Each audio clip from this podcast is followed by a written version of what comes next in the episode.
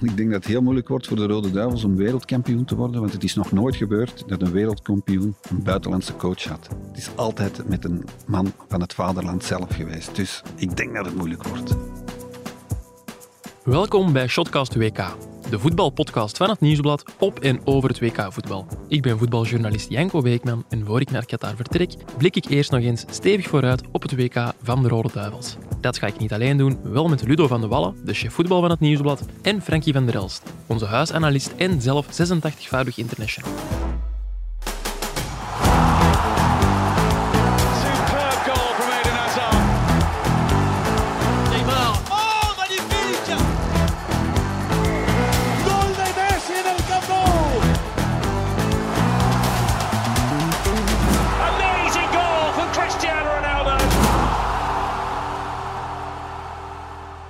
Dag Ludo, dag Frankie. Leeft het eh, WK bij jullie al een beetje?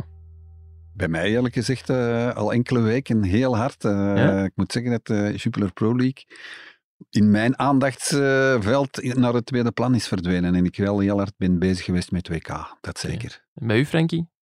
Eh, niet zo hard dan bij Ludo, dan moet ik zeggen. Nee? Ik ben ook wel bezig geweest met eh, Jupiler Pro League, Champions League de laatste week. Maar ja, als, je als, die als je die selecties eh, ziet passeren van al die landen, ja, dan begint dat. En, en, en gisteren dan eh, Martinez met eh, die van ons, ja, dan, dan begint dat wel te leven. Ik heb ook al wat naar andere, andere landen gekeken, ploegen die in onze groep zitten. Dan heb ik zo een matchje meegenomen, toch al. Mhm. Ehm, en ja, goed, ja, het is een WK. Hè. Natuurlijk kijk je daar naar uit en eh, ehm, ga je dat heel erg van nabij volgen. Eh, ik hoop dat we het eh, volhouden, want het is wel, eh, het is wel intensief natuurlijk. Ja. Ehm, maar goed, dat zou wel lukken. Jij kunt wel genieten van zo'n originele aankondiging van een selectie, heb ik gemerkt. Ja, ik, ik vind ja, dat is natuurlijk heel erg anders dan, dan in onze tijd. Hè. Dat was dat, ik weet eigenlijk al niet meer hoe dat dan ging met een droge telefoon of zo. Van je zijt erbij of, van, eh, of met een eh, aangetekende brief. Herinnert je je eerste oproepingen of hoe, hoe dat je dat te weten zegt gekomen? Boah, ik weet nog wel de aanleiding daar naartoe, dat weet ik nog wel. We speelden, ik was net bij Club Brugge, hè, want Uh-huh. ik was van RWDM naar Club Brugge verhuisd in, in juli 84. En ik ben de eerste keer opgeroepen in december. De, de bewuste Balkantrip. En ik weet nog goed, eh, we speelden met Club op eh, Lokeren.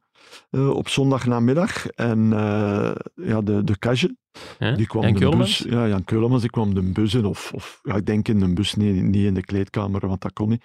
Maar in de bus zei hij tegen mij van ja, Guy Thijs was hier en hij heeft gezegd dat hij, dat hij jou gaat oproepen. dus dan wist ik al zo van oké, ik, ga, ik ga er dan bij zijn. Ehm, en dat was dan ja, de woensdag zeker, of de maandag al verzamelen, maar dan eh, de woensdag spelen of, of, of wat dan ook, of beginnen trainen. Zo was dat de eerste keer. En ik denk dat je dan ook nog wel een telefoontje kreeg. En ook nog met brieven ging dat ook nog, hè, van, Ja. eh, een week ervoor, van zo gezegd geselecteerd. Eh, zo ging dat in die tijd, ja. Ja. En voor zo'n WK-selectie, want je hebt er vier gehad, was dat dan, zijn jullie dan, waren jullie op de hoogte voordat ze bekend gemaakt Ja, werd? ik weet nog een keer, ehm, de- gingen we dan naar Mexico, eh, de definitieve selectie. Ik denk dat wij met Club Brugge op weg waren naar Anderlecht. hè. Dat waren dan de testmatchen in 86. Hm, hm. En toen was er om kwart voor zes, wat is er van de sport op Radio 1? En eh, ik denk dat wij dat toen eh, in de bus ge- gehoord hebben. Maar dus niet officieel van een bond of zo vooraf? nee, eh, nee, ik denk dat, nee, want ik herinner me nog, dat was een pijnlijk moment voor Mark, Mark de Grijze, die werd dan niet geselecteerd. Ja. En, en dat was dan eigenlijk in de bus eh, dat wij dat hoorden. En Mark dan hoorde van, eh, ik ben er niet bij, ja, op weg naar zo'n belangrijke match. Voor ons was dat natuurlijk geen goed nieuws. Ehm, maar ja, ongeveer zo ging dat dan. Hè. We gaan het vandaag eh, alleen over de Rode Duivels en hun, en hun WK hebben. Een WK dat wordt gespeeld in Qatar. Ja. Ehm, moeten we het ook even over hebben. Met alles wat er de voorbije jaren is gebeurd en misschien nog steeds gebeurt. Kijken jullie nu op een andere manier naar dat WK? Naar die wedstrijden ook? Ja, het is een, een heel moeilijke zaak, eh, Janko. Ik moet zeggen dat ik daar eh, heel veel mee worstel. Van, hoe moeten we dat nu aanpakken? Ik heb dat hier op de redactie ook met de hoofdredactie besproken. Van, eh, hoe gaan we dat aanpakken?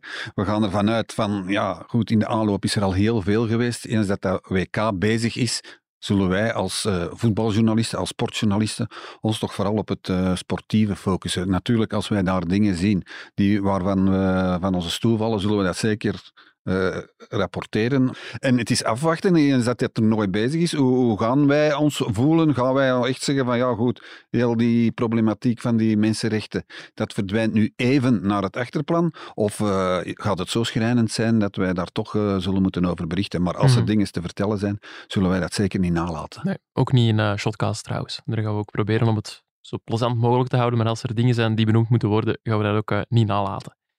Het eh, concept vandaag is vrij simpel. Ik ga jullie 22 vragen voorschotelen over het WK van de Rode Duivels. En ik, eh, ja, ik reken erop dat jullie die beantwoorden. Daar twijfel ik ook niet aan. En eh, de oplettende luisteraars die zullen hebben gemerkt dat ik al twee vragen heb gesteld. Dus dan blijven er nog 20 over.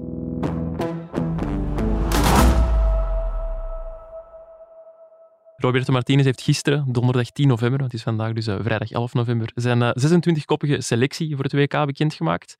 Valt daar iets op aan te merken, op die selectie?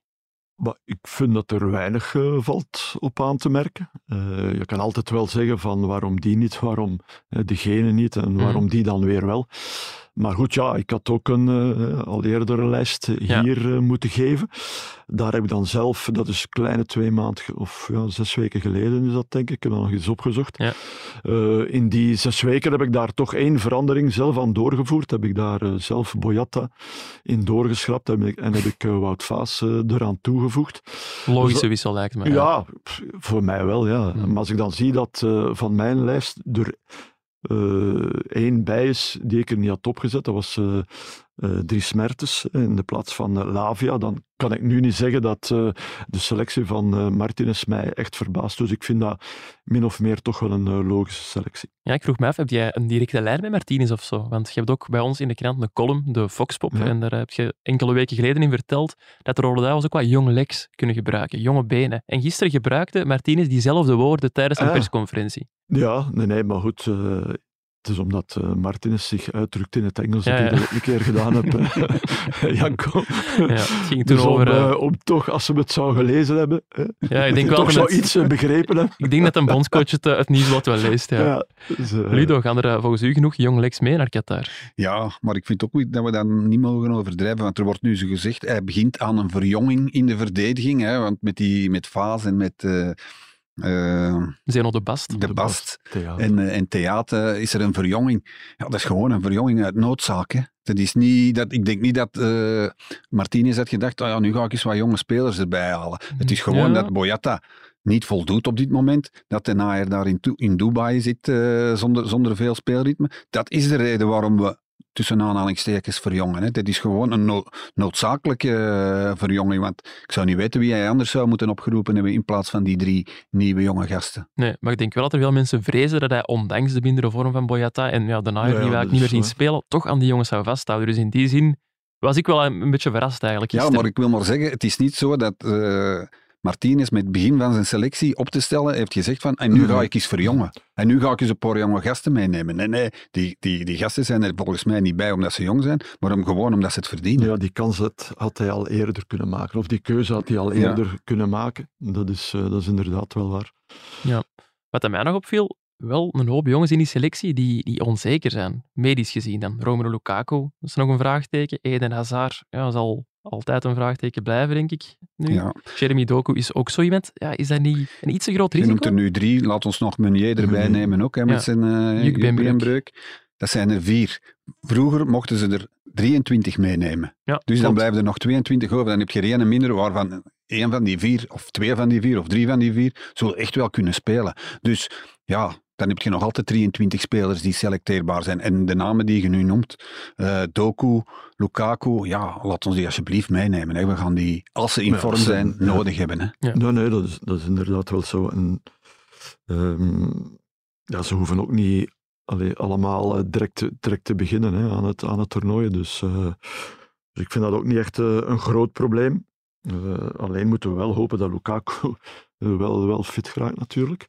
Mhm. Ehm, Ja, dat is wel de belangrijkste. Kunnen we zonder Romelu Lukaku in die groepsfase?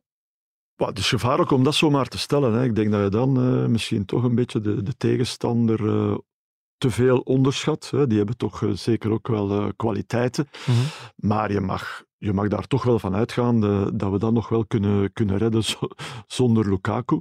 Maar voor het verdere toernooi ja, moet, ge- moet hij wel minuten kunnen maken in, in de eerste ronde. Ja. Eh, als dat niet gebeurt, ja, dan, eh, dan mag je eigenlijk een, een kruis maken over, over de rest van, eh, van zijn toernooi. Martinez leek er wel vrij zeker van dat dat goed komt. Want hij haalde ook de, de vorige toernooien aan, waar ze hetzelfde hebben gedaan met Axel Witsel en Vincent Company. Hij heeft wel veel vertrouwen in die medische Ja, staf. dat gevoel had ik ook, eh, Janko, dat eh, Martinez er eigenlijk redelijk gerust in is. Zeker voor zijn doen, dat hij zich al eh, uitsprak over het feit, ja, hij zal wel zeker aan die groepsfase deelnemen. En, we moeten het zeggen zoals dat is, ik denk dat de medische staf van de Rode Duivels telkens weer fantastisch werk verricht. Hè. Dat Ja. was met Witsel zo, waar dat we in januari, toen hij die blessuren opliep, zei van, ja, dit is onmogelijk. Hij heeft dan toch nog gespeeld, heeft het dan eigenlijk... ook nog degelijk gedaan eh, op het EK. En, en Compagnie precies hetzelfde. Dus als Martinez zoiets zegt, is toch wel teken dat hij er vertrouwen in heeft. En eh, gelukkig maar, want eh, als Lukaku plotseling in die achtste finale, die waarschijnlijk tegen Duitsland of Spanje moet ingezet worden, Ja, dan, of dat hij al meteen dat hoog niveau zal halen, dat vraag ik me toch af. Toch beter dat hij deze paar wedstrijden speelt. Ja, inderdaad. Ehm, Lukaku zal er die eerste groepswedstrijd waarschijnlijk niet van bij de aftrap bij zijn. Eh, tegen Canada is dat, die eerste groepswedstrijd. Kruip in het hoofd van de bondscoach. Wie eh, moet er dan wel in de spits staan? Oh, ik denk dat Batshuayi gaat spelen. Ik denk dat je er wel mag van, uitgaan dat, eh, dat we Canada wel kunnen domineren. Hè, dat we toch redelijk dicht bij de goal van de tegenstander kunnen spelen. En dan denk, denk ik ook dat, dat Batshuayi gewoon de, de ideale spits is. Als er ballen in de 16 komen, ja, hij kan wel een goal maken. Hè. Ik kan er veel over zeggen. Als hij niet in de wedstrijd zit, eh, dan heb je er ook, of als hij niet kan scoren, dan heb je er eh, soms ook wel niet zo heel veel over eh, aan, eh, aan Ja, ja. moet ik zeggen. Maar als, hij, als we echt dominant kunnen spelen en veel in en rond de 16 eh, kunnen zitten van de tegenstander, dan, ja, dan is hij toch altijd wel goed voor een doelpunt. Dus ik denk wel dat wat dat betreft hij de eerste keuze zal zijn van, van Martinez. Met Loïs Openda gaat er ook een, een derde spits mee.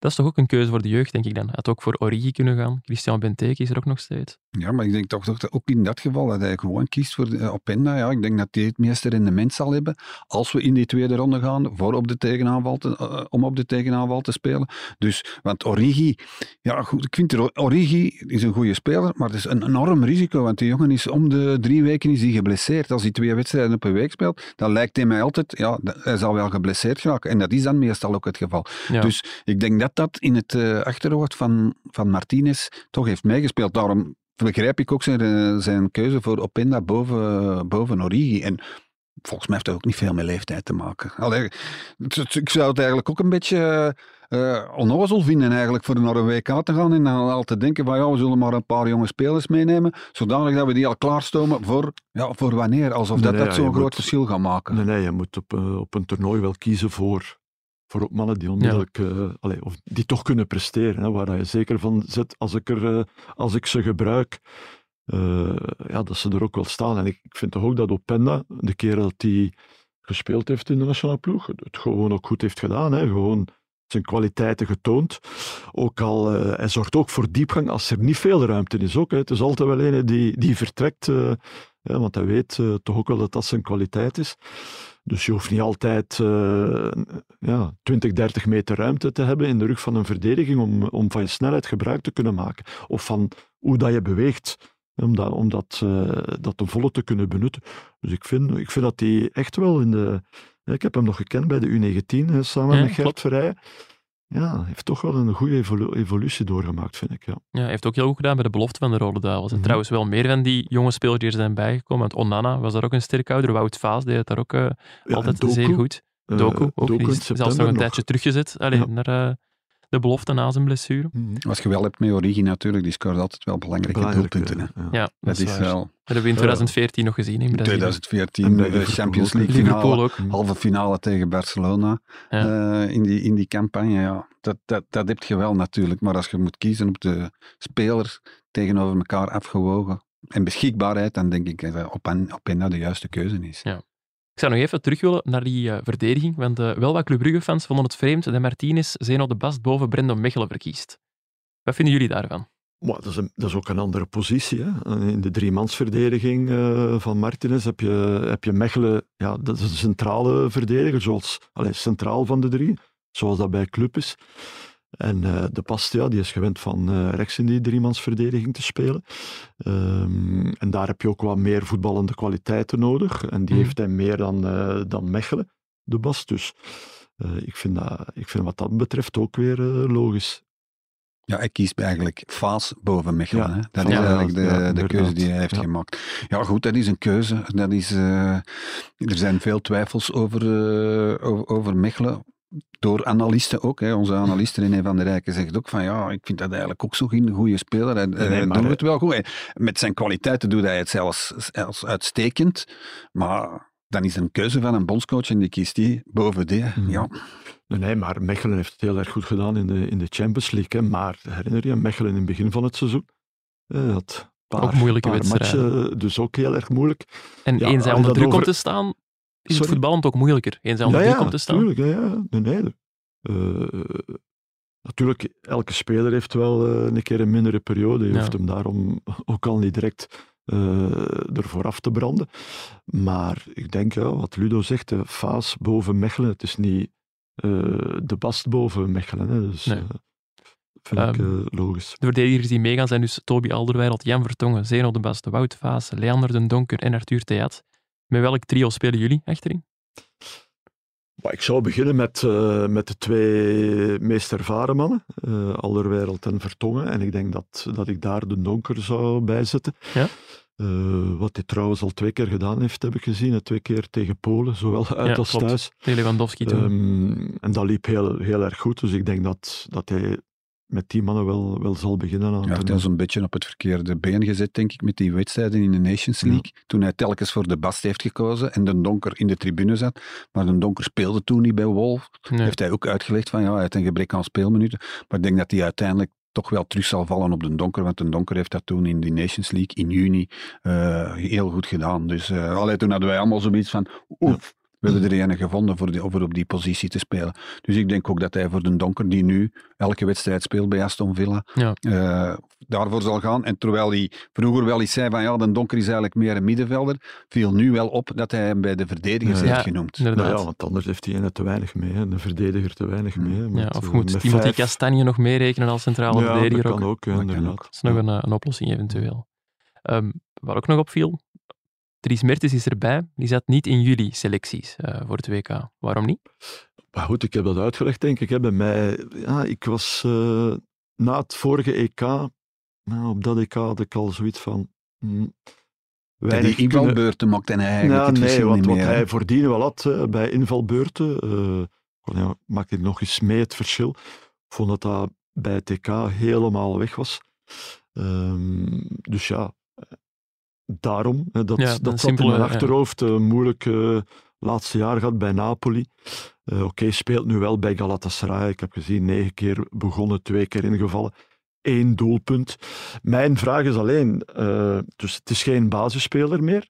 En kan hij nog, als hij moet invallen, een keer zoals tegen Panama, het Ja. vorige WK, nog zo'n moment hebben? Hè? Dus dat is mijn grote vraag. En ik, ik denk dan een Doku, ja, dat zijn snelheid, eh Openda zijn snelheid. Oké, je kan zeggen, hij, is- hij is ervaren. eh, aan de bal, in de bal komen, eh, balbezit zorgen. Ja, dat wel. Maar als je inkomt, op het moment dat het nodig is, ja, dan weet ik niet of dat dat, dat, dat nog met hem kan. Maar voor de rest, ik snap ook wel als Martinez zegt van ik, ik baseer me op kwaliteit. De basiskwaliteit moet je dan, moet je Mhm. dan nemen. Ervaring, eh, hoe iemand ook eh, de toewijding. Hè, Ja, ook- inspireert andere spelers, heeft hij er ook ja, bij en eh, hoe hij zich beweegt in een... Hij heeft eh, toernooiervaring en eh, je kan er vijf weken mee op stap. hè, want- Toffe, toffe gast, ja, nee, nee, maar dat- ik snap ook wel dat je, dat, je daar een keer, dat je daar ook rekening mee houdt. Dan kan ik dat wel snappen, dat, dat hij hem er toch nog eh, meeneemt. Maar ik zeg, ik zou een andere keuze gemaakt hebben. Ja, jij kunt dat wel inschatten hoe belangrijk dat, dat is om ook een fijne groep te hebben op zo'n WK. Want Dat is heel belangrijk, ja. Ja? Dat je niet... Ja, ja, toch, ja dat, is echt wel belangrijk. ooit slechte ervaringen mee gehad zelf? Eh, wat ik... Niet helemaal, nee. Ja, toch wel, Frankie, in 98 mee. Ja, ja, laatste- Ja, het, ja, het, laatste, het laatste toernooi was voor mij het minst eh, aangename toernooi, los van, eh, los van de resultaten. Oké, er wordt veel bepaald eh, door resultaten natuurlijk op zo'n toernooi.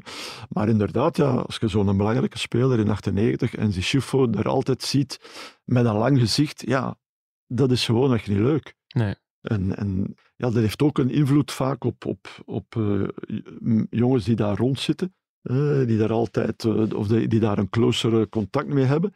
En dat straalt een beetje af op, op de groep ook. Mhm. Dus eh, nee, dat is zeker belangrijk dat je daar toch eh, een beetje rekening mee houdt. En dat risico loop je helemaal niet met eh Dries Mertens natuurlijk. Nee, lijkt mij Die niet. altijd heeft gezegd, als wij hem voor de voeten wierpen, van ja, je moet nu altijd invallen, je bent altijd, eh, je bent altijd reserve. Terwijl Mhm. hij daarvoor wedstrijden als Kevin De Bruyne of Eden Hazard er niet bij was, altijd goed had gespeeld, zelfs doelpunten had gemaakt. En dan was hij altijd, ik ben gewoon blij dat ik hier ben. En als de trainer mij zo wil gebruiken, dan, dan moet hij mij zo gebruiken. Als je met zo'n gast vijf weken op stap moet, ja, dat is natuurlijk goud. Hè. En Ja. dan nog eens, als die dan nog eens die jonge spelers kan inspireren, dat begrijp ik ook wel. Maar puur eh, voor het team had ik liever Luque Bacchio gezien. En misschien als Luque Bacchio die fantastische omhaal tegen Nederland, dat hij erin gaat, Was dan daar er wel misschien bij. wel bij. Ja, Ja. maar Want dan, dan had iedereen gezegd, wat een invalbe- invalbeurt van Luque Bacchio. We hebben opnieuw een super invaller. Dus die jongen heeft misschien wel 10% eh, pech gehad. Ja, ik heb hem vorige week nog. eh, ik heb een gro- groot stuk van de match gezien tegen München. En speelde echt goed. Hè, daar in dat twee Ja, hij scoorde ook. hè. spitsen. Ja, en hij scoorde, hij scoorde ook. Eh, deze week heeft hij er ook eentje gemaakt. Een mooie goal ook. Dus eh heeft er ondertussen ook al zeven gemaakt in, in 14 of 15 matchen. Dus maar hij speelde ook los van zijn doelpunten eh, ook gewoon goed. Ja. Hij had daar eh, tegen Bayern eh, heel vaak Upamecano op, op zijn rug. Hij hield die wel een aantal keren heel erg goed af. Dat ik dacht, ja. Dus dat die er nu bij geweest, daar had ik ook wel vrede mee gehad. Had ik, omdat ik hem nu toevallig de laatste weken een paar keer heb zien spelen. Ja. Ja, hij speelt ook alles hè, bij Ja. Hertha. Hij wordt af en toe eens vervangen, zo'n paar minuten voor het einde.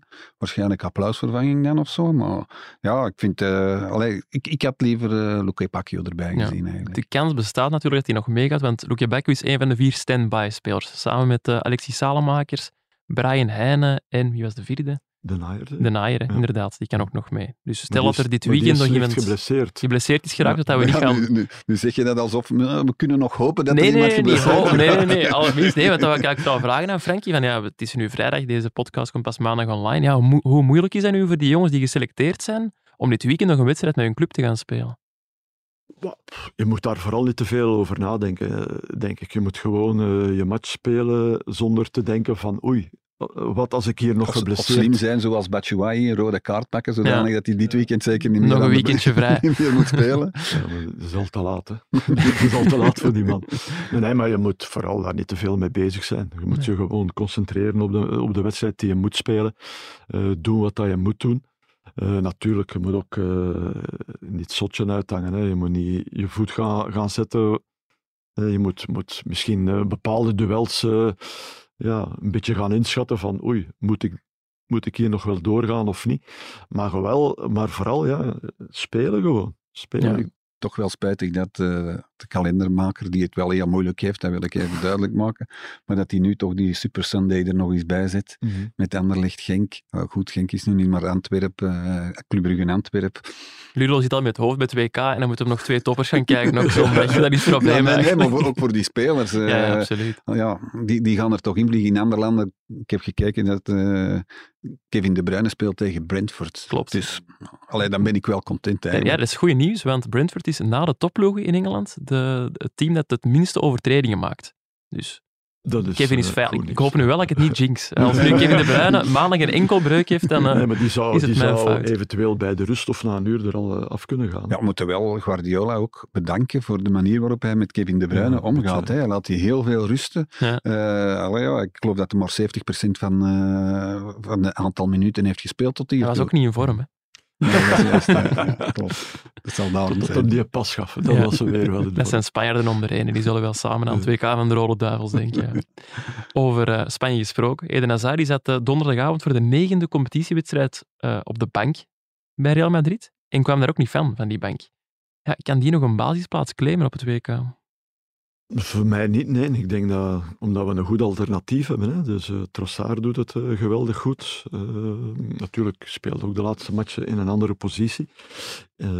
Vol in de spits. Maar goed, zijn, een van zijn betere plaatsen van Trossard is toch de positie in de pocket. Ook van de linkerkant een beetje, hè, met zijn rechtse Mhm, voet, ja. vandaar naar binnen komen. Dus nee, ik denk niet dat, dat je nu moet stellen dat op dit moment Hazard een basisplaats kan claimen. En ik heb toevallig, maar heel erg toevallig, er straks nog eens op Twitter een, eh, een compilatie zien passeren van Hazard in 2018 tegen Brazilië. Ja, Maar onwaarschijnlijk. Ja. Als je dat nu ziet, dat is echt niet normaal.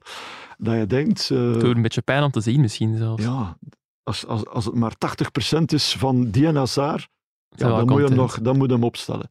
Maar goed, dat is op dit moment niet. Eh, maar dat was fenomenaal. Ja. Maar nu, nu, nu, nu, nu kan, hij die, kan hij dat niet claimen. Natuurlijk, eh, ik moet nu wel zeggen, zijn laatste twee matchen met de Rode Duivels, eh, dat was ook niet dramatisch. Hè. Dat vond ik ook, Eh, eerlijk gezegd. nu niet, nee, dat, is niet, dat is niet meer de Hazard van, van wat ik net kom te zeggen. Nee. Maar dramatisch was dat ook niet. Het is dat we Dus- weten wat hij wel kan natuurlijk ja, voilà, ook. als je, je weet, ja, wat, heeft hij, wat heeft hij ooit getoond en wat toont hij nu maar? Of ja, hij speelt eigenlijk niet, dus hij toont niks, bij manier van spreken. Dat is wel een immens verschil. Maar ik vond nu ook niet dat, dat we moeten zeggen dat eh, in die laatste twee matchen dat dat helemaal niks meer was. Niet meer de Hazard die het verschil eh, kan maken. Eh, dat, dat natuurlijk wel. Maar Ja, ik ben misschien de last man standing, maar ik vind toch dat Hazard nog, zeker in die oefenwedstrijd tegen Egypte, zou ik hem nog laten starten. ja, ja, dat- En, en misschien zelfs, allee, afhankelijk van hoe hij dan presteert, misschien zelfs in die eerste wedstrijd om te kijken eh, wat Hazard nog, nog echt waard is. Want misschien ben ik naïef, hè, maar hij zit toch te verklaren, dat wordt mijn toernooi, ik ga laten zien. Martinez zei het ook nog eens. Ik denk dat Martinez hem wel een beetje aan het opnaaien is.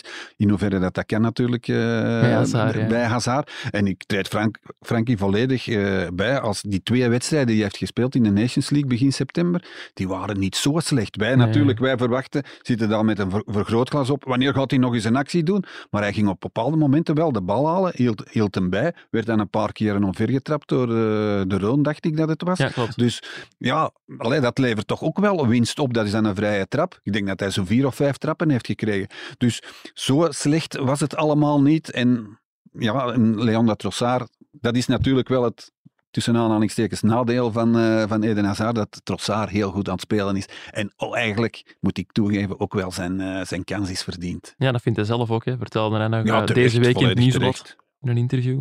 Hij scoort niet alleen. Hij eh, hij gaf van de week daar nog eens Ja. eh, een assist. eh, dat lijkt allemaal simpel, maar dat is gewoon met heel veel gevoel.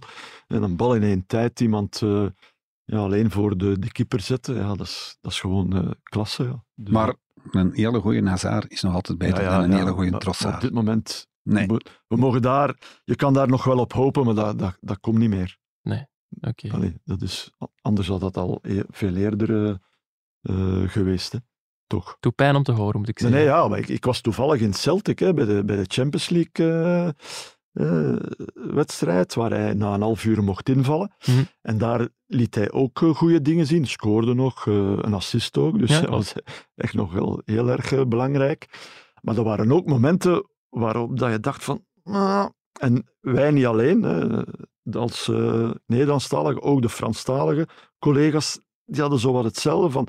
Het is wel goed, of het was wel goed, en het was wel fijn om dat nog eens te zien, maar toch ook vraagtekens. Ja. Raar eigenlijk. Oh, scalpel? Scalpel, alstublieft. Ja, ja, penalty! Als zij spelen, speel jij. Bet live op ladbrokes.be. Gok met maten.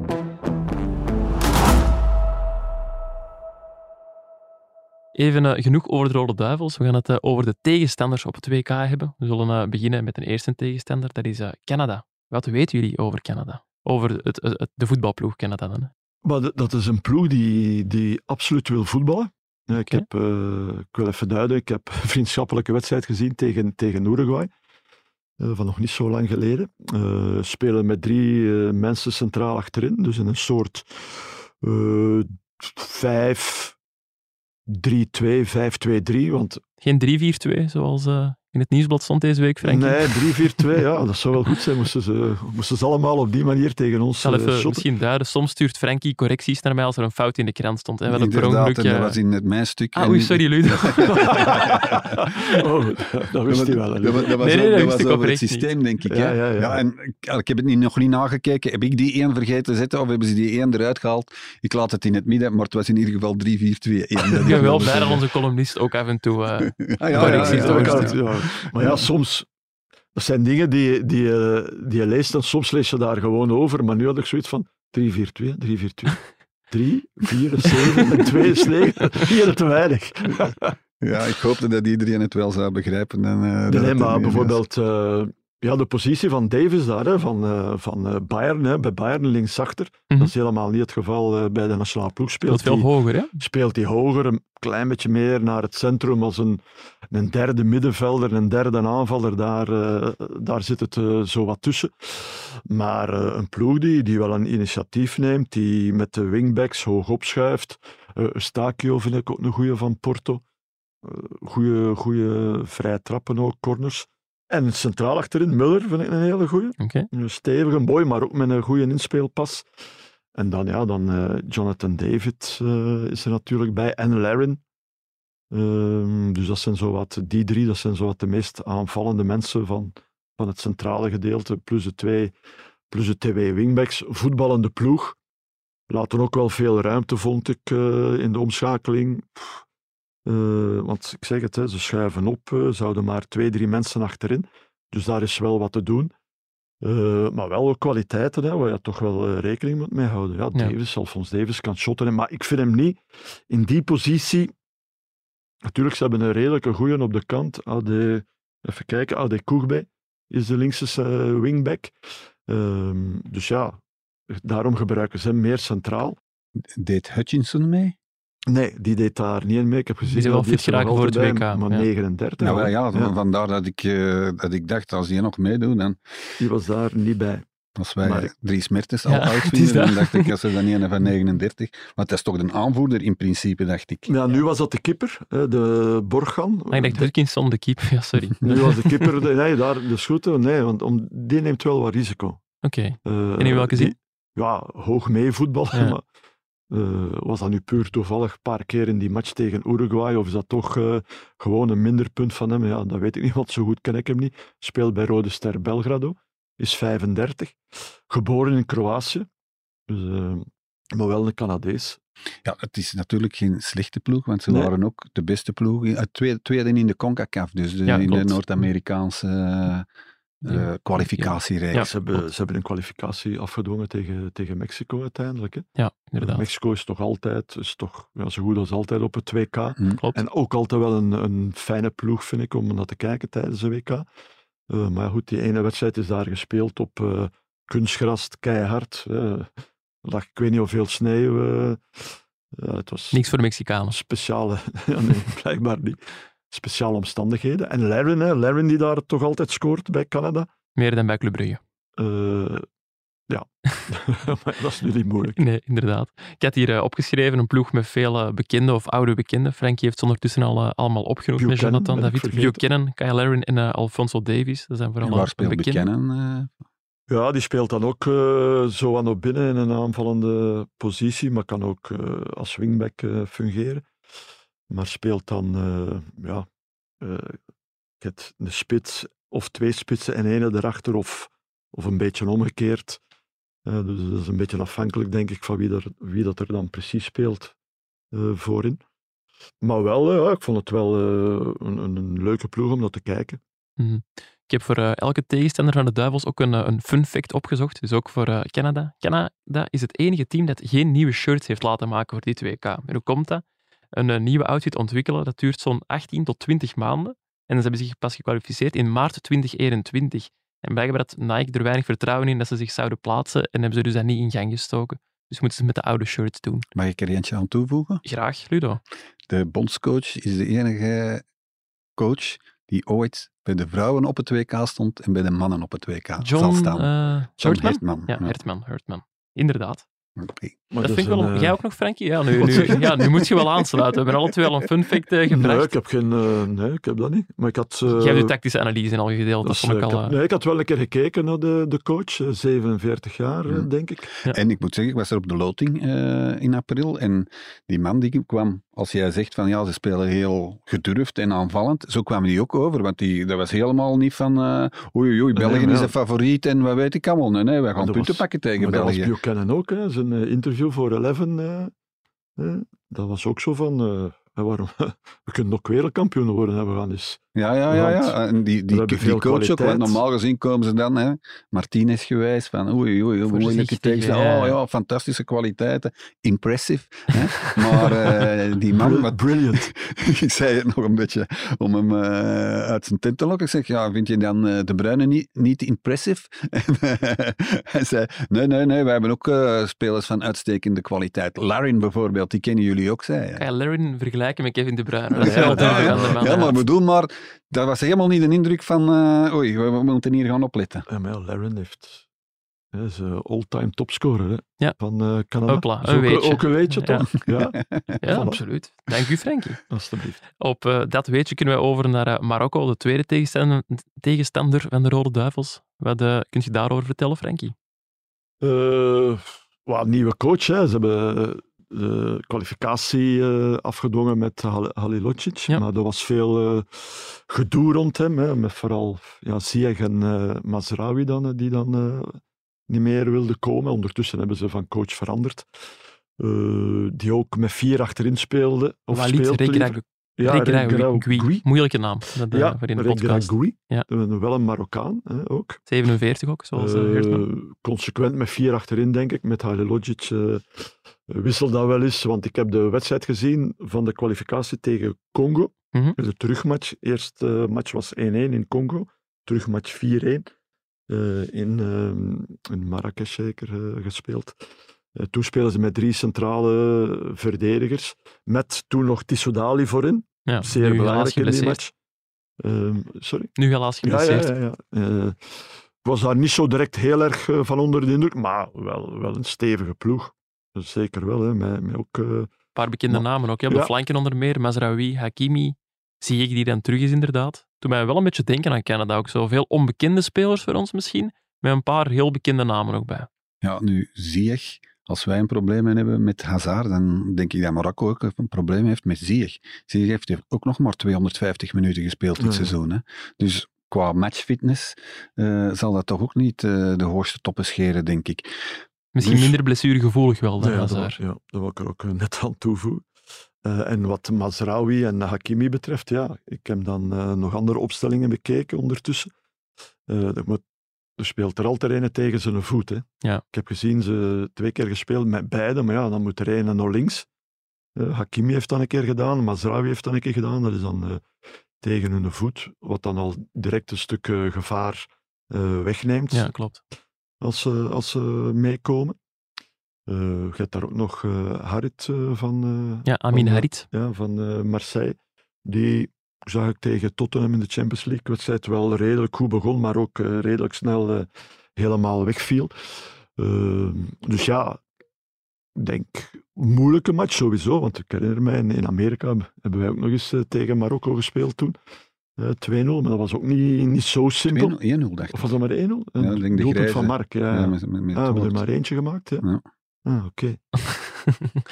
Voorzet van Had, Niels. had Frankie al verdrongen. Ik denk dat Marokko een sterke basis zelf kan opstellen, maar dat het daarnaast, daarna wel een beetje allee, veel minder is dan bijvoorbeeld bij de Rode Duivels. Dat denk ik wel. En eh, El Canoes, hè. Ja, inderdaad. Ik het zeggen, ook een paar eh, Belgische linken bij Marokko met eh, Selim Amala van Standaard en Bilal El Kanous, die voor het eerst is opgeroepen van eh, Racing Genk. Er is er nog een derde trouwens, Ilias Shair, een eh, in België geboren Marokkaan die voor QPR voetbalt. Ja. Ehm, ook over Marokko heb ik een fun fact. Of heb jij er eerst een, Ludo? Nee, Nee, geen, eh, geen in het boekje, in uw ja, oranje boekje. dat Amrabat er eh, ook bij is. eh, ja. Brugge. Speelt nu voor Fiorentina. Maar dat is niet fun Italië. fact, denk ik. Hè. Ik vond dat, dat vind ik ook al zeer fun. Een goede kipper. Boeno. Bono, en daar gaat mijn, mijn fun fact voor een deel over, want liefst 14 van de 26 opgeroepen spelers zijn niet in Marokko geboren. Wat ik best opvallend vond. Eh, onder meer Bono, die is geboren in Canada, een van de tegenstanders. En dan zijn er ook een paar zoals Amala El Kanous en Shair in België geboren. Een in Kroatië geboren Marokkaan is er niet bij. Kunnen we wel over naar eh, Kroatië? Heb je daar ook een eh, analyse van klaar, Frankie? Eh, nog niet. Ah, oei. Wel- Dat is de derde match natuurlijk. Nee, maar ja, ik, ik denk dat iedereen, iedereen ondertussen wel weet hoe sterk Kroatië is. Hè, want vice-wereldkampioen Anders- nog altijd. aan de selectie is er niet zoveel veranderd de laatste jaren. Het is een heel ervaren ploeg met een geweldig middenveld. Eh, misschien wel het sterkste middenveld van, eh, de, van eh, ja, de vier, moet ik dan zeggen, zeker. eh, Ja. eh, ploegen in, eh, in de groep. Eh, Brozovic, Ja, sterker dan Belgisch middenveld? Ja, dat is toch sterk, hè? Ja, Brozovic, eh, Modric, Hij is ook wel eh, wat geblesseerd Kovacic geweest. ook nog. Kovacic, ja, ook nog inderdaad. Dat is... Ehm, Allee, ik schat eh, Kroatië even sterk in aan België. Die andere twee landen vind ik wat minder, maar ik vind Kroatië zeker zo sterk als België. En vervalt mijn volgende vraag van wie jullie het, het bangst zijn, dat is dus Kroatië. ja, Ja, het bangst is te zeggen, als je 6 op 6 hebt na de eerste twee wedstrijden, dan moet je geen schrik niet meer hebben van Kroatië. Dan heb je weer zo'n Engeland-scenario. Dat we Ja, moeten ja. kiezen van willen we wel winnen van Kroatië of niet. Want, eh, en dan een fun fact voor de groep in de geheel, allee, of voor de Belgen. eh, het is heel lang geleden dat ze nog een groepswedstrijd hebben verloren. Ik geloof op een toernooi, even rekenen, dat ze 11 van de 12 hebben gewonnen. Ze hebben alleen eens tegen Italië verloren. In, eh, op het EK 2016. Maar in Brazilië hebben ze Ah, drie groepswedstrijden gewonnen. Op het EK dus twee. Drie groepswedstrijden gewonnen op het WK in Rusland. En nu ook nog eens de drie, zeker in vorig jaar. Hè, hebben ze ze ook dit- alle drie gewonnen. Hè. Over wie? Het, het EK, de Ja. Rode Duivels. Ja, ja, oké. Dus 11 van de 12 groepswedstrijden hebben ze gewonnen. Dus we kunnen op ons beide oren slapen de eerste week. Ja, dat eh, hoop ik, ja.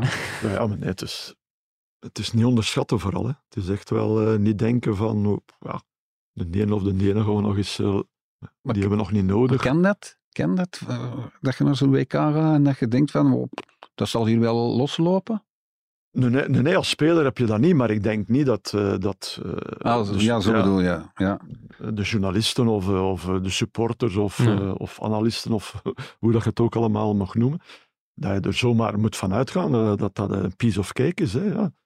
Eh, wij, wij hebben toch ook al in eh, een betere periode gezeten dan, eh, dan de laatste een half jaar. Ja, jaar. klopt. Dus eh, ik denk dat we onszelf. eh, ja, wij hebben veel kwaliteiten, maar we moeten opletten dat we de tegenstander niet, eh, niet te zeer Tegen teams van, van gelijk niveau hebben we het bijzonder moeilijk. Hè? Dat is duidelijk. In de laatste vijf wedstrijden tegen topwanden hebben, hebben we allemaal verloren. Maar ik heb wel het gevoel dat we tegen ploegen die wat minder zijn, dat, het dan, dat, dat we dan altijd wel het verschil kunnen maken. Allee, we zeg ik nu, dat de Rode Duivels dan eh, het, het- ja, ja, ja. De, de Rode Duivels dan het eh, verschil kunnen maken. Makkelijker dan vroeger. Hè. We winnen. Ik zeg niet dat er ploegen van het niveau van Estland en zo zullen bij zijn, maar Nee. Polen bijvoorbeeld, hè, Mhm. daar winnen we dan toch met 6 met 6-1 tegen. Dus dat hebben we wel, denk ik. Ik vind het ook wel een boeiendere groep dan vier jaar geleden op het WK. Omdat je toen nog met Panama zat en Tunesië. Dat zijn toch ploegen die misschien nog iets lager aangeschreven staan dan Marokko en Canada, vergis ik me dan. Ja, dat klopt. Ja. Dat is, Ja, dat is en- zeker zo. En ook wat dat je zegt, hè, overal in elk land hebben we wel een aantal spelers die we, die we toch wel kennen, omdat er een connectie is met België. Ook bij Kroatië trouwens, met eh, Ivan Perisic, Ja. eh, ex-Club Brugge, ex-Roeselare. Die Jij nog mee gewerkt, Frankie? Eh, niet mee gewerkt. Niet mee gewerkt, nee. Nee, maar nee, die, die mogen we zeker niet vergeten. Hè. Eh, eh, geweldige speler. Hè. Tweevoetig. eh, hard werken ook. Kan goed voetballen. Gevaarlijk. Vrij trappen. Hoekschoppen. Ehm, ja, ook, ook sterk. En achterin ja, hebben ze nog altijd, vallen ze nog altijd terug op die, die, die Lovren, Vida. Maar zitten daar ook met Kvardiol. Uh, vind jonge gast van de twintig met heel veel... Ja, en een beer van een vent met, met goede voeten. Ja, dat is ook eh, typisch Kroaten. Goede technische Ja, ja, basis. ja, ja, ja. Ze lijken nog beter dan eigenlijk vier jaar geleden tijdens het WK. Als je het zo hoort, want er, Ja, hebben die, goede basis op het middenveld met Modric nog altijd, maar er zijn wel een paar goede jonge gasten bijgekomen. Ook, Ja, hè. je hebt ook die Zoals Susic, die Susic, Susic, eh, ja. van eh, eh, Salzburg. Eh, en wat ook, nou, ja, Nations League zitten toch weer in de Final Four. Klopt, in een groep met eh, Frankrijk en met Denemarken. Frankrijk, Kro- eh, Oostenrijk. Niet evident. Dertien- Wat zeg je? Dat is niet evident. Nee, ze hebben daar ook maar één keer verloren. Hè. Thuis, eh, dan nog thuis tegen Oostenrijk. De eerste match. eh. en voor de rest eh, alles winnen, behalve nog één keer gelijk tegen Frankrijk. Ja, dat geeft toch wel aan dat die nog altijd eh, toch wel heel erg sterk zijn. We kunnen Ja. best onze twee eerste wedstrijden gewoon winnen. Niet te veel stress voor die derde match. Dat zou goed zijn. Nog een fun fact over Kroatië. Ze hebben nog een link met België en wel met de Belgische sportjournalistiek. Er eh, zit een schoonbroer van een Belgische sportjournalist in de Kroatische selectie. Nikola Vlasic, de broer van Ah, Blanka ja, Vlasic, tuurlijk. mevrouw Ruben van Gucht. Inderdaad. Dus eh, nog ik, een, had dat, was, ik had er ook nog aan gedacht. nog een Belgische link. het al vergeten. En moet hij dan niet op het toopfeest zijn? Dat weet Want- ik niet. Want die kleine is toch niet geboren, dacht ik. Ja, ja, Ja, ja, ja, klopt. op de verjaardag van de mama. Van Blanka? Ja, dus Ah. ik heb nu ook een, eh, Een fun- ja, dank u Frank. Ja, gewoon mijn, mijn Ja. bijdrage geleverd wat dat betreft. hartelijk dank daarvoor. Mijn eh, volgende vraag. Slagen de Rode Duivels erin om 17 doelpunten te maken op het WK? Nee. Nee. Dus, Ik verwijs naar eh, een vraag gisteren op Ja, de, de ja, persconferentie ja, ja. met Roberto Martinez. was een, een, ik denk de allerlaatste vraag. Van, ja, het was geen journalist, het was iemand van, ik veronderstel het merk Krevel, want die hebben een actie lopen waarbij je ehm je tv terugbetaald kunt krijgen als de Rode Duivels vaker dan 17 keer scoren. Martinez leek me ook zo'n beetje verbaasd toen het eh, ter sprake kwam. hè. Ja, Ja. maar, hij, maar hij, hij antwoordde Ja, er wel echt hij eh, reageerde goed, op, goed op, ja. Maar Ja, hij was ja, ja. inderdaad wel verbaasd, dat vond ik ook wel. Het was niet afgesproken of zo. Maar was dat niet de vorige keer ook niet bij een of ander toernooi? Ook zo'n eh, ook aantal doelpunten en... eh, Die had dan nog wel gebeurd. Ja, het is geen super originele actie, nee. nee. Ja. Toen hebben ze in de eerste wedstrijd drie doelpunten gemaakt tegen Panama, vijf tegen Tunesië. Dat gaat niet meer lukken, denk ik, met Nee. tegen Canada en eh, Ja, 17. Marokko. eh, ja, Het zijn er vele. drie, in de, drie matchen in de kwalificatie. Dat is toen 16, dacht ik, hè, zei eh, ja, Martinez. ja, die Ja. zeiden, ja, ja. Wist hem toch, misschien was hem toch voorbereid. toch wel, als je nu een tv hebt gekocht hè, en ze maken daar op een bepaald moment de, de 16e goal en er is nog zeg maar iets een half uur te spelen in die match en je zit in de zetel. Dan gooi je die misschien kapot in tv. ja, ja, dat is toch waar. nog meer kosten. Eh, mijn volgende vraag. Wanneer zal het WK van de Rode Duivels geslaagd zijn? Eh, geslaagd eh, kwa- kwartfinale. Dus dat betekent dat je al voorbij Spanje of Duitsland gaat.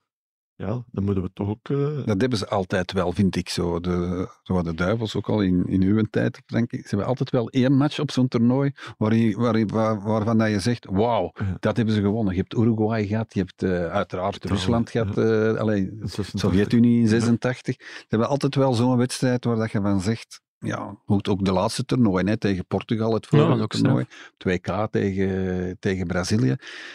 Dus kwartfinale, daar, daar, daar ben ik het wel mee eens, dat ze dan Rusland, eh, Duitsland of eh, Spanje zouden kunnen elimineren. Dan, zijn- dan hebben we die wedstrijd toch ook gehad, denk Ja. ik dan. Toch wel één hoogtepuntje mee naar huis dan. Ja, en dan zal misschien het enthousiasme rond de Rode Duivels, of het, moet ik zeggen, het geloof in de Rode Duivels, misschien toch weer wat groeien. Want ik vind dat op dit moment bijzonder laag als ik eh, alle commentaren hoor. En, eh, allee, iedereen zegt tegen mij, ja, ze zullen mogen blij zijn als ze de groepsfase onder, dat is een overleven. beetje, dat was altijd vroeger de, het motto. Hè? De groepsfase doorkomen en dan zien we wel. En dan match per match. Dat zal nu opnieuw zo zijn. Maar we, we, we lijken stille, stilletjes aan terug Ja. naar die periode te gaan. Allee, of bij, toch bij, de, bij, de bij de supporters ja, en bij, bij de waarnemers toch, Ja. heb ik de indruk. Maar goed, ja, dat, dat is misschien dan toch net wat te pessimisme. Maar goed, ik heb mij ook al eh, uitgesproken, zo van ja, achtste finale, Duitsland of Spanje, ja, zeg het maar. Hè. Tegen wie zou die liefst uitkomen? Als je kunt kiezen. Kan uiteraard niet.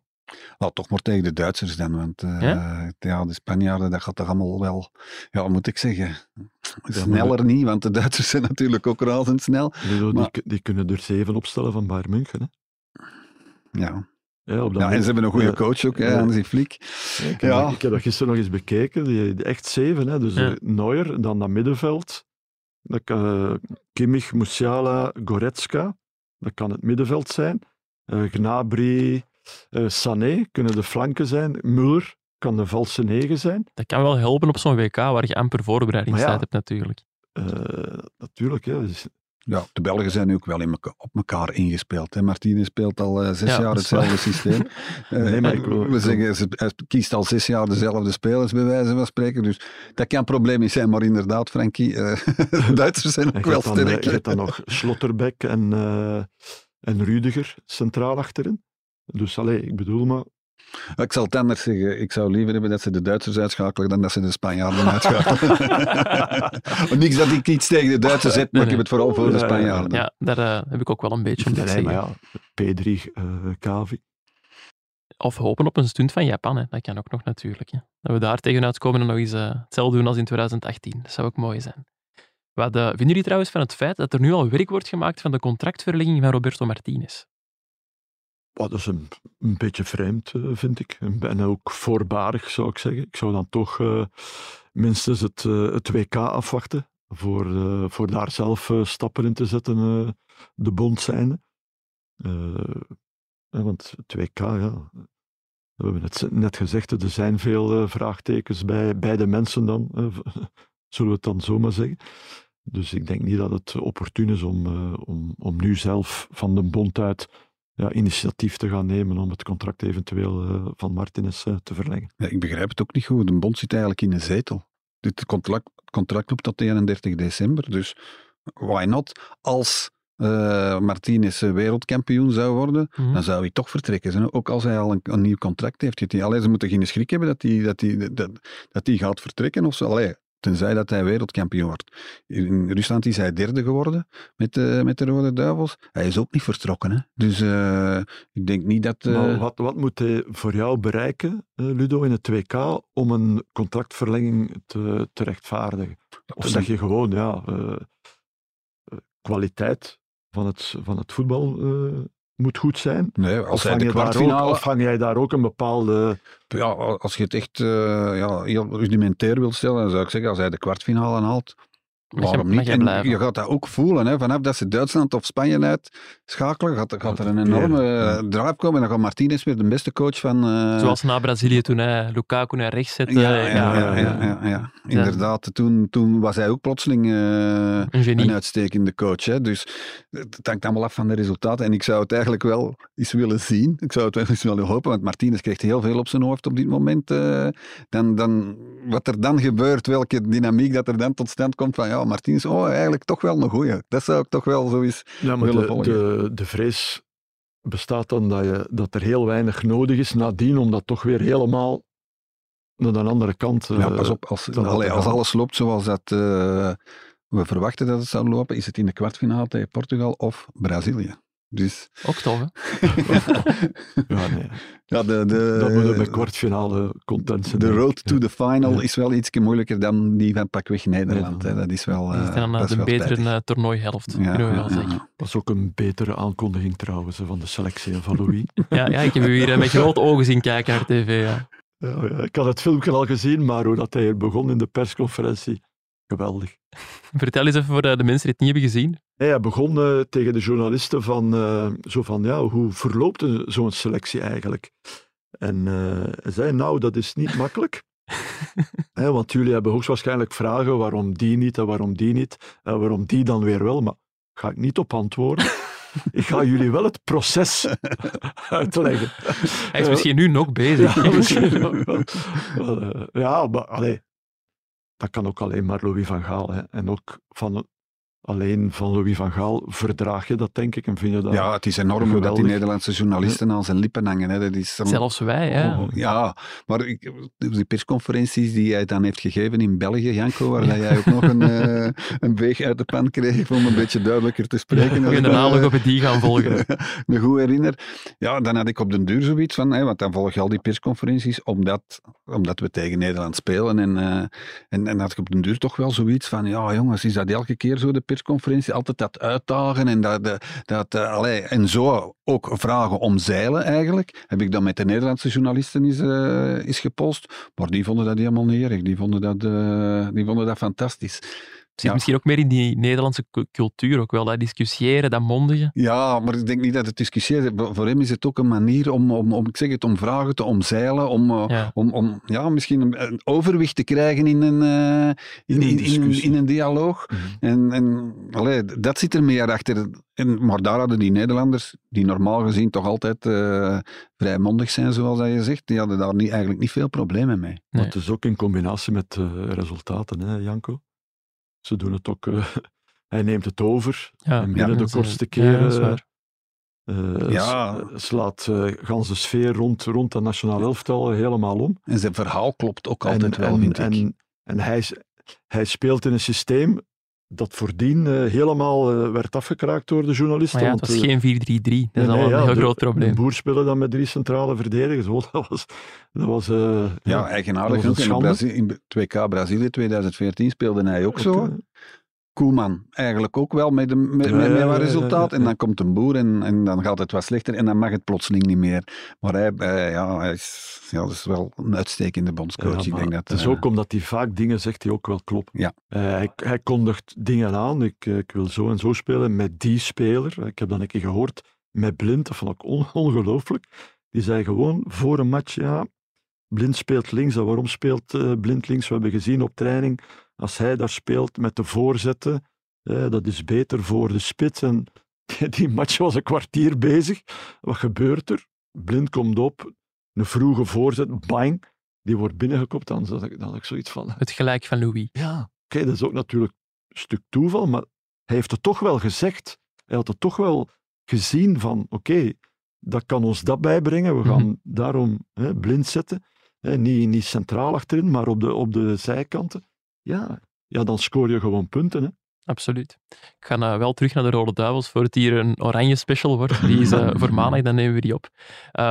Nog even terug naar die techni- technische staf van Roberto Martinez. Want eh er was ook nieuws over deze week. Erwin Lemmens is terug. Misschien even een eh, woordje uitleg geven. Erwin Lemmens werd door de voetbalbond op non-actief gezet omdat hij een van de 56 verdachten was in de zaak proper handen. Maar hij heeft nu een middelijke schikking getrokken, getroffen met het parket en mag nu toch mee naar het WK. Wat moeten we denken van die comeback? Ludo. Dat is eh, een redelijk moeilijke kwestie, omdat we van de details niet op de Nee. hoogte zijn. Eh, ja, uit contacten eh, hier en daar heb ik wel vernomen dat hetgeen wat Erwin Lemmens heeft gedaan, dat het eigenlijk tussen aanhalingstekens ter goeder trouw was.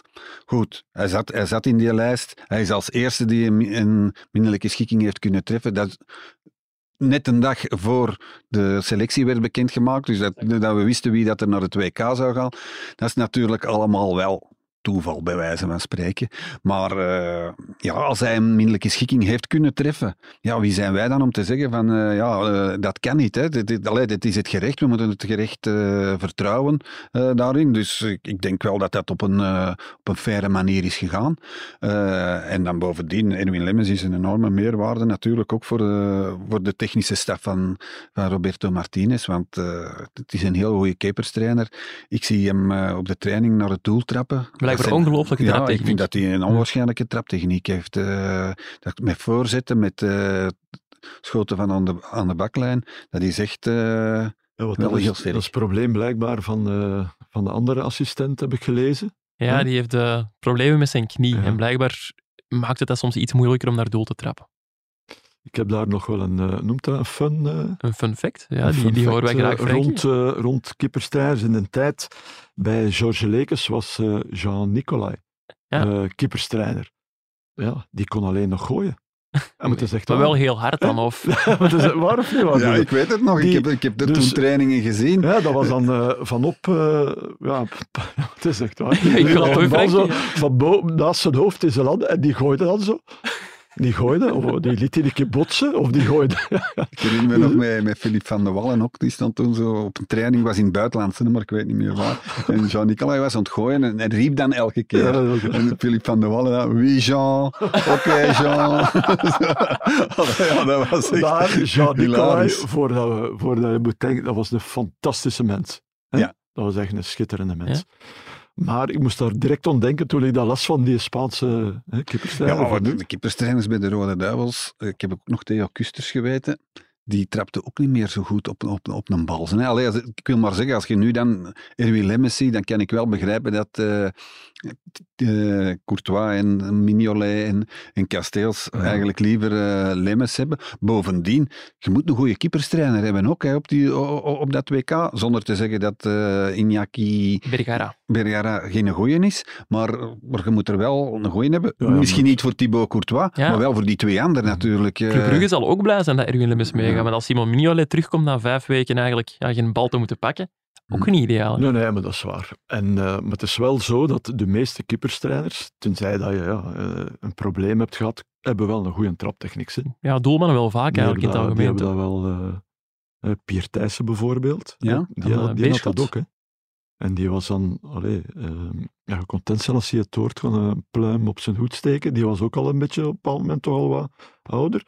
De kracht was wat minder, maar de precisie was er nog wel altijd. Hè. Dus eh, Als de meeste... hoort, Nee, nee, maar dat is waar. De meeste als je niks hebt voorgehad, hè, die, die, is- die is Spanjaard, eh, Mm, mm, mm, eh, die mensen hadden wel iets aan, aan zijn knieën. Ja, we willen hem vooral duidelijkheid niet incompetent is Nee, echt wel nee, een voilà. medisch Nee, Dus, nee, eh, want hij heeft, hij heeft ook wel zijn waarden Ja, bij die, Eh, bij die keeperstrainers. ja, zeker, je hoeft ook niet altijd. zeker, zeker weten. Maar het is eigenlijk, ja, Courtois en zo, die eigenlijk ook wel heel graag lemmes hadden Ja, meegenomen. er zijn ook oefeningen genoeg. En dat gaat ook over, eh, Frankie, jij weet dat ook, de keeperstrainers, psychologie bij die, Ja, ja, bij, bij die ja. keepers. Elke keeperstrainer dat je interviewt, de keepers waar dat ze op dat moment mee werken, dat zijn de beste ter wereld. Ja. Dat zeggen ze overal en dat moet iedereen horen. En dan gaan ze naar ergens anders en dan zijn dat weer de beste. Ja, maar, Dus- maar Courtois die heeft zich toch al vaker een keer uitgesproken over, eh, over eh keeperstrainers. Hè. Hij heeft ooit eh, geprobeerd om Erwin naar Real Madrid te halen ook. hè. Ja, ja, Dus, bij eh, Real Madrid heeft hij eens een probleem gehad, dacht ik. Hè. Courtois met keepertrainer. Allee, Eh, dat zou kunnen. door het feit van te zeggen, ik zou liever de die hebben dan de die. En bij Chelsea volgens mij ook. Hè. Of was het bij Chelsea? Ik denk dat dat toen het probleem was dat de andere keeperstrainer meer voor Peter, Peter Cech die toen nog eerste doelman Ah, was. dat zou en kunnen, dat een van ik eh, de discussiepunten was. Ik ben eh, ondertussen eigenlijk al bij mijn eh, laatste vraag Heb je er aangekomen. al twintig gesteld? Twee, ja, 22 Ja. zelfs. Ik denk zelfs meer dan 22. Ik hoop dat iemand luistert en het tel heeft bijgehouden, want ik heb het zelf niet echt gedaan. Terugluisteren. Ja, het is dat.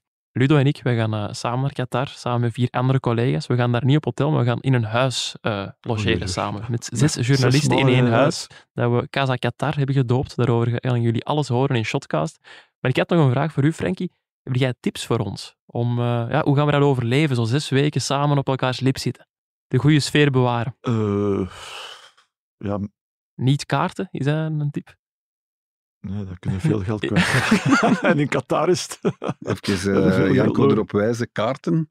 Daar gaan wij geen Geen tijd voor hebben. Nee, voor. uit, Echt 's morgens bij het ontbijt misschien, Nee. En pas op, als je zwembroek bij hebt, hè, dan, eh, dan vlieg je terug naar huis. Hè. Geen zwembroek meenemen, nee. Toch wel. Nee, gewoon eh, een beetje ordentelijk zijn. Hè? Een beetje de casa proper houden. Hè? Ja. Want zijn er die daar wel tegen kunnen, zijn er die daar niet tegen kunnen. Dus, eh, en opletten met, ja, met de kaarten spelen, kunnen elkaar, ge- maar opletten met spelletjes spelen. Ja, Ja. Ook. Maar vooral eh, ogen open houden en oren, eh, Janko. Oké, dan kunnen wij over naar onze afsluiter.